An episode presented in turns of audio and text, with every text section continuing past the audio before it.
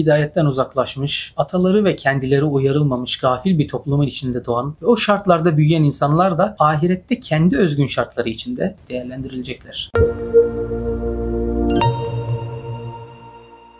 Merhabalar Kur'an Time izleyenleri. 3 aylara girmiş bulunmaktayız. 3 aylarınız mübarek olsun diyerek başlamak istiyorum. Allah Ramazan'a ermeyi ve Ramazan'ın sonu itibariyle de affa ulaşan, affa kavuşan kullardan olmayı nasip eylesin. Bayramımızı bayram etsin inşallah. Bu hafta çok güzel bir sorumuz var. Belki birçok kişinin de aklına gelmiş olabilecek bir soru. Okuyayım şu şekilde. Kur'an Yasin suresinin 6. ayetinde ataları uyarılmamış. Bu yüzden kendileri de gaflet içerisindeki bir kavme indiğini söylüyor. Bu durum ataların insanların hidayetleri üzerindeki paylarının çok fazla olduğunu göstermez mi? Bu etkinin çok fazla olması halinde insanlar bu etkiyi kırıp hidayet mesajını nasıl kabul edebilecekler ya da hakikati nasıl bulabileceklerdir? Şimdi dikkat ederseniz e, ayette bahsedilen iki türlü uyarılma çeşidi var. Ya bizatihi peygamber ile aynı dönemde yaşamış ve vahye bizzat muhatap olmuş olacaksınız ya da sizden öncekilere gelmiş bir peygamber mesajı yine o mesajı kendilerinden sonrakilere aktaran bir topluluk vasıtasıyla size ulaşmış olacak. Dolayısıyla Yasin suresinin 6. ayetinden şunu anlayabiliriz. Bir kavmin atalarının bu iki yoldan biriyle uyarılmamış olması o kavmin de uyarılmamış olduğu anlamına gelir. Yani bu kavimde ne bir peygamber mesajı vardır ne de o mesajı orijinal tazeliğiyle kendilerinden bir sonraki nesle aktaracak salih insanlar bulunmaktadır diyebiliriz. Efendimiz bildiğiniz gibi son peygamberdir ve kendisinden sonra başka bir peygamber gelmeyecek. Demek ki biz bu iki uyarılma çeşidinden ancak ikincisiyle yani o peygamber mirasını bize aktarabilecek, peygamber varisi olma niteliğine haiz bir takım salih insanlar vasıtasıyla uyarılmış olacağız. Bu da bizi içinde bulunduğumuz durumun geçmişimizle ve hatta bugünümüzle yani belki hayatta olan anne babamızla da veya yakın çevremizle, sosyal çevremizle de içinde yaşadığımız toplumla da son derece alakadar olduğu sonucuna götürüyor. Burayı biraz açmakta fayda var. Allah yarattığı ve bizim de bir parçası olduğumuz bu kainatı kendi koyduğu kanunlarına uygun olarak idare ediyor. Fiziksel bir kütle olarak fizik kanunlarına tabiiz. Mesela yer çekimi bu cismimizi oluşturan atomlar ve moleküller itibariyle kimya kanunlarına tabiiz bedenimiz ve canlılığımız itibariyle biyolojik kanunlara tabiiz ve dahası alakadar olduğumuz her saha itibariyle o sahanın kanunlarına tabiiz. Mesela sosyal hayatın kanunları var, psikolojinin kanunları var, sosyolojinin kanunları var ve her bir kanunun birçok hikmeti ve faydası ve bununla birlikte de imtihan sırrı açısından birçok işlevleri var. Mesela bu kanunların bir parçası olarak biz memeli hayvanlara benzeriz. Onlar gibi içgüdülere sahibiz. Vücut yapımız, fizyolojimiz, organlarımız, nefes alışverişimiz benzer. Ama insan olarak ayrı bir varlık olmamız itibariyle farklarımız da mevcut. Özellikle hayata kendi başımıza yetecek bir içgüdü setiyle gelmiyoruz. Ve fiziksel donanımımız itibariyle de hemen kalkıp yürüyebilecek bir durumda değiliz. Yardıma muhtaç doğuyoruz ve bununla birlikte büyük oranda da boş bir zihinle doğuyoruz. Her ne kadar boş bir zihinle doğsa olsak da çok hızlı bir şekilde hayatımız boyunca ihtiyacımız olacak temel bilgilerin birçoğunu daha erken çocukluk evresinde öğrenebiliyoruz. Hatta öğrendiğimiz bilgilerin çok büyük bir kısmı 0-5 yaş arasına ait. Ama bu öğrenme biçimi de şu ana kadar insanlığın bütün yaptığı keşifleri yeniden keşfetme şeklinde bir öğrenme değil. Daha çok biz taklit ederek ve etrafımızda gördüğümüz şeyleri çok hızlı bir şekilde benimseyerek öğreniyoruz. Dolayısıyla Allah bize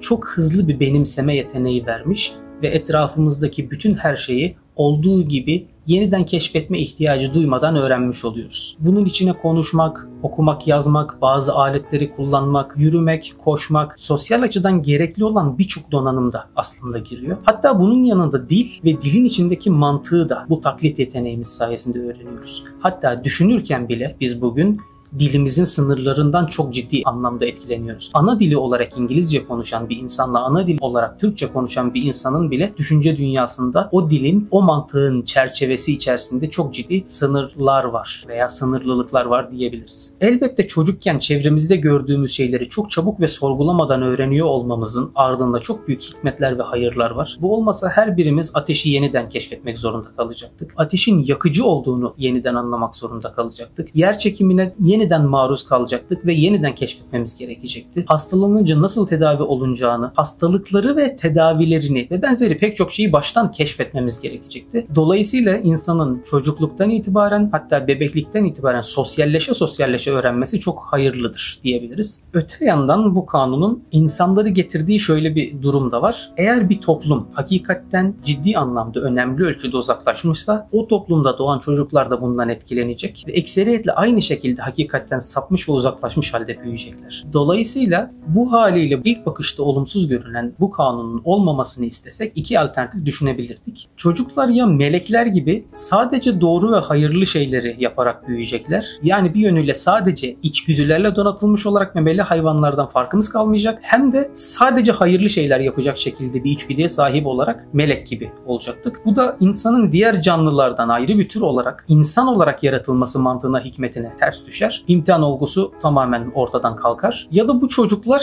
bu çocukluk döneminde hiçbir şey öğrenmeyecek şekilde dünyaya gelecekler. Bu da öncekinden çok daha fazla zahmetli bir durum olurdu. Sonuçta biz insan olarak yaratıldık ve insan belli bir yaşa kadar veya belli bir iradi olgunluğa kadar taklit yeteneği öğrenme sürecinde çok önemli bir rol oynar. Bu sebeple de anne babasında gördüğü iyi ve faydalı ya da kötü ve sorunlu unsurları benimseyebilir. Eğer ana babalar ve tüm toplum geri döndürülemez bir şekilde bozulmuşsa oluşan ortam öyle bir hal alır ki Hazreti Nuh öylesi bir ortamda şu duayı etmiş. Ya Rabbi yeryüzünde dolaşan bir tek kafiri bile bırakma. Çünkü sen onları bırakırsan kullarını saptırırlar. Sadece facir, kafir veya günahkar kimseler doğurur. Tabii hiçbir çocuk günahkar veya ahlaksız olarak veya kafir olarak doğmaz ama o çocuğun içine doğduğu toplum eğer eğitimde çok sabitse, kötülüğün yayılması kemikleşmiş bir durumsa o çocuk da ailesinden ve çevresinden aldığı eğitimle her türlü şerri, günahı, zulmü oldukça normal görerek büyüyebilir. Ve zihni de hakikati hiç alamayacak şekilde örselenebilir. Efendimiz sallallahu aleyhi ve sellem'den Ebu Hureyre radıyallahu anh tarafından nakledilen hem Buhari'de hem de Müslim'de geçen bir hadiste Efendimiz her çocuk fıtrat üzerine doğar anne ve babası çocuğu Hristiyanlaştırır, Yahudileştirir veya Mecusileştirir buyuruyor. Bu hadisi bu çerçevede düşünebiliriz. Yalnız bu hadisin her çocuk İslam fıtratı üzerine doğar yorumu da var. Aslında bu doğru bir yorum değil. Anne babası çocuğu Hristiyanlaştırır, Yahudileştirir veya Mecusileştirir konusunda da aslında esas mesele Hristiyan veya Yahudi olmak değil. Her çocuk esasında boş bir zihinle doğar ve o çocuk işlene işlene bir anlamda anne babası tarafından başka bir şeye döndürülür demek istemektedir. Dolayısıyla her çocuk esasında boş bir zihin ve yetenekler manzumesiyle doğar. Ama dilediği zaman hakikati anlayabilecek yetenek ve istidat da bu manzumeye dahildir. Yani o çocuk belli bir yaşa geldiğinde iradesini kullandığı zaman hakikati anlayabilecek bir olgunluğa erişecektir. Ancak anne babaların ve içinde yetiştikleri toplumun o çocuklara hakikatin çarpıtılmış hallerini doğru ve gerçek olarak öğretmesi söz konusu ve bu sebeple o çocuklar da artık dünyaya anne babaları veya o toplumun diğer fertleri gibi bakmaya başlıyorlar. İslam ve iman genetik bir şekilde ana babadan geçmez ama ana ve baba ve toplum İslam ve imana gidecek yolları geniş bir şekilde açabilir. Bunun tabi tersi de mümkün. Mesela günümüzde çocuklar aslında o yönleri biyolojik olarak gelişmediği halde daha 4-5 yaşındayken kız erkek arkadaş, aşk, sevgili gibi kavramlarla konuşabiliyorlar. Veya bir kız çocuğunun yine o yönü henüz gelişmemişken yani ergenlik döneminde gelişmeye başlayacak olan kendini süsleme meyli henüz tam anlamıyla ortada yokken 3-4 yaşlarında çevresinden gördüğü şekliyle makyaj yapmaya daha doğrusu makyaj malzemelerini rastgele sürmeye başlıyor. Veya bir erkek çocuğu henüz çok küçük yaşlarda hem ataerkil hem de zorbalığı cesaretle karıştıran hem de ahlaksızlığı sempatik gören bir ortamda kendisine öğretilen kötü sözleri çok rahat sarf edebiliyor. Bu durum örneği verilen erkek ve kız çocuklarının iffetle ilgili hakikatleri gerçek anlamıyla çok daha zor öğrenmelerine sebep olacak. Dolayısıyla şunu diyebiliriz. Bu çocukların iffet üzerine şartlandırılmaları oldukça zor olur. Dolayısıyla bu durumda iman ve İslam'ın hakiki kavramlarının gerçek anlamlarıyla ana babadan tam olarak aktarılması pek mümkün olmaz. Sonuç itibariyle evet ataların ve çevrenin etkisi insan türü dünyaya boş bir zihin olarak geldiği için oldukça kuvvetlidir diyebiliriz. Sorunun ikinci kısmı toplumun ve ataların etkisinin insanların hidayet durumları üzerinde çok fazla etkili olması halinde insanlar bu etkiyi kırıp da hidayet mesajını nasıl kabul edebilecekler ya da hakikati nasıl bulabileceklerdir idi. Burada da meselenin bir yönü imtihan ya da tecrübe, deney kavramlarıyla ilgili. Allahu Teala insan için bir imtihan zemini açmış. İnsan türünün üremesiyle yeni nesiller de ortaya çıktığı için belli hikmetlere binaen birey olarak biz imtihan edildiğimiz gibi toplumlar olarak da imtihan ediliyoruz. Sonuçta bazı toplumlar bu imtihanı kazanıp hidayeti kabul edebildikleri gibi bazı toplumlar da hidayete giden yolları tamamıyla kaybedebiliyorlar. Bunun belki en bariz örneği olarak Kur'an'da bildirilen helak edilen kavimleri hatırlayabiliriz. Çünkü bir toplum bazı hayati meselelerde bir yanlışa bazen öyle kitlenir ki o toplumda gelecek nesillerin toplumdan alacağı eğitim sonucunda hidayete ulaşma adına hiçbir şansları kalmaz. Daha evvel bahsettiğimiz Hazreti Nuh'un duasını doğuran o ortamın şartlarını, o ibareleri bu bağlamda belki değerlendirebiliriz. O toplumda toplumun bütün yönlerini kapsayan bir çürüme söz konusuydu. Medyen, Ad veya Lut kavmi gibi kavimlerse spesifik bir yanlışa çok ciddi şekilde odaklanmışlardı ki o noktadan sonra o toplumdan hayır adına doğacak hiçbir şey kalmamıştı. Tabii her yanlış toplumu helak edilecek seviyeye getirmez ama aileyle ilgili, meşru kılınan cinsellikle ilgili mesela Lut kavminde olduğu gibi ya da mülkiyet hakları ile ilgili Medyen kavminde olduğu gibi ya da bunun gibi belli bazı konularda yeterince yanlış yapılırsa o toplulukta artık hayır imkanı kalmaz. Bu durum belki ağır bir uyuşturucu bağımlısı için yapılacak bir şey kalmamasıyla ama daha hafif düzeyde bir bağımlılığın halen kurtarılma şansının veya rehabilite edilme şansının olmasıyla e, açıklanabilir. Veya metastaz yapmış bir kanser hastasının artık tedaviye hiçbir şekilde cevap vermemesi ama erken dönemde teşhis edilmiş bir kanser için çok ciddi umutların var olması örneğiyle anlaşılabilir.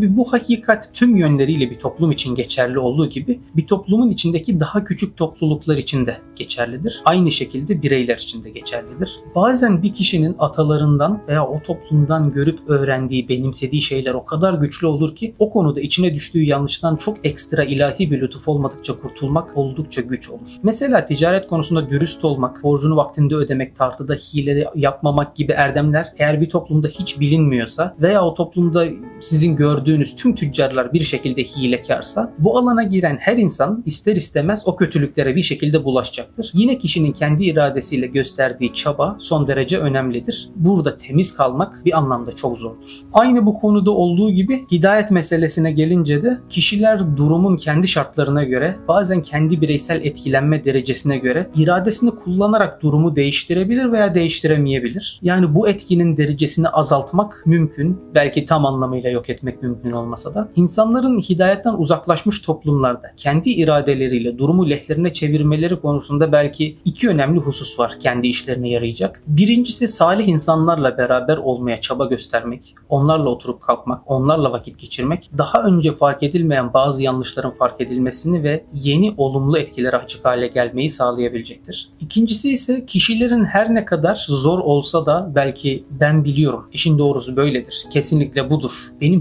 hissettiklerim ve alışkanlıklarım doğrudur. Başka yönlendirmelere ihtiyacım yoktur gibi kibirlerini kırmaları, dolayısıyla bir başkasından gelebilecek bir tavsiyeyi ve nasihati dinlemeye hazır olmaları, kişilerin böyle bir temrinle kendilerini teyakkuzda tutmaları, kişilerin hidayetle tanışmalarında son derece önemli bir vesiledir. Çünkü bu durumda insan yeni şeyler öğrenmeye açık bir hale gelir. Son olarak soruyu soranların zihninde şöyle bir soru işareti de oluşmuş olabilir. Hidayetten geri dönülemez bir şekilde uzaklaşmış ve bireyler üzerinde son derece etkili olan toplumlarda doğan insanların hidayete ulaşmaları, hakikati kabul etmeleri kendilerini epeyce zorlamalarıyla mümkün oluyor. Bu durumda o toplum içinde pek çok insanın hidayete ulaşmadan ölmesi ve ahirette istenmeyecek durumlara düşmeleri de çok büyük bir olasılıktır. Bu kişilerin içlerinde yaşadıkları toplum onların özgür iradelerini hayra kullanma şanslarını da azaltmaktadır. Bu insanların hidayetten onlar kadar uzaklaşmamış ya da çoğunluğunu salih insanların oluşturduğu toplumlarda doğan insanlarla aynı şekilde değerlendirilmesi ve ahirette aynı sorguya tabi olması adaletsizlik olmayacak.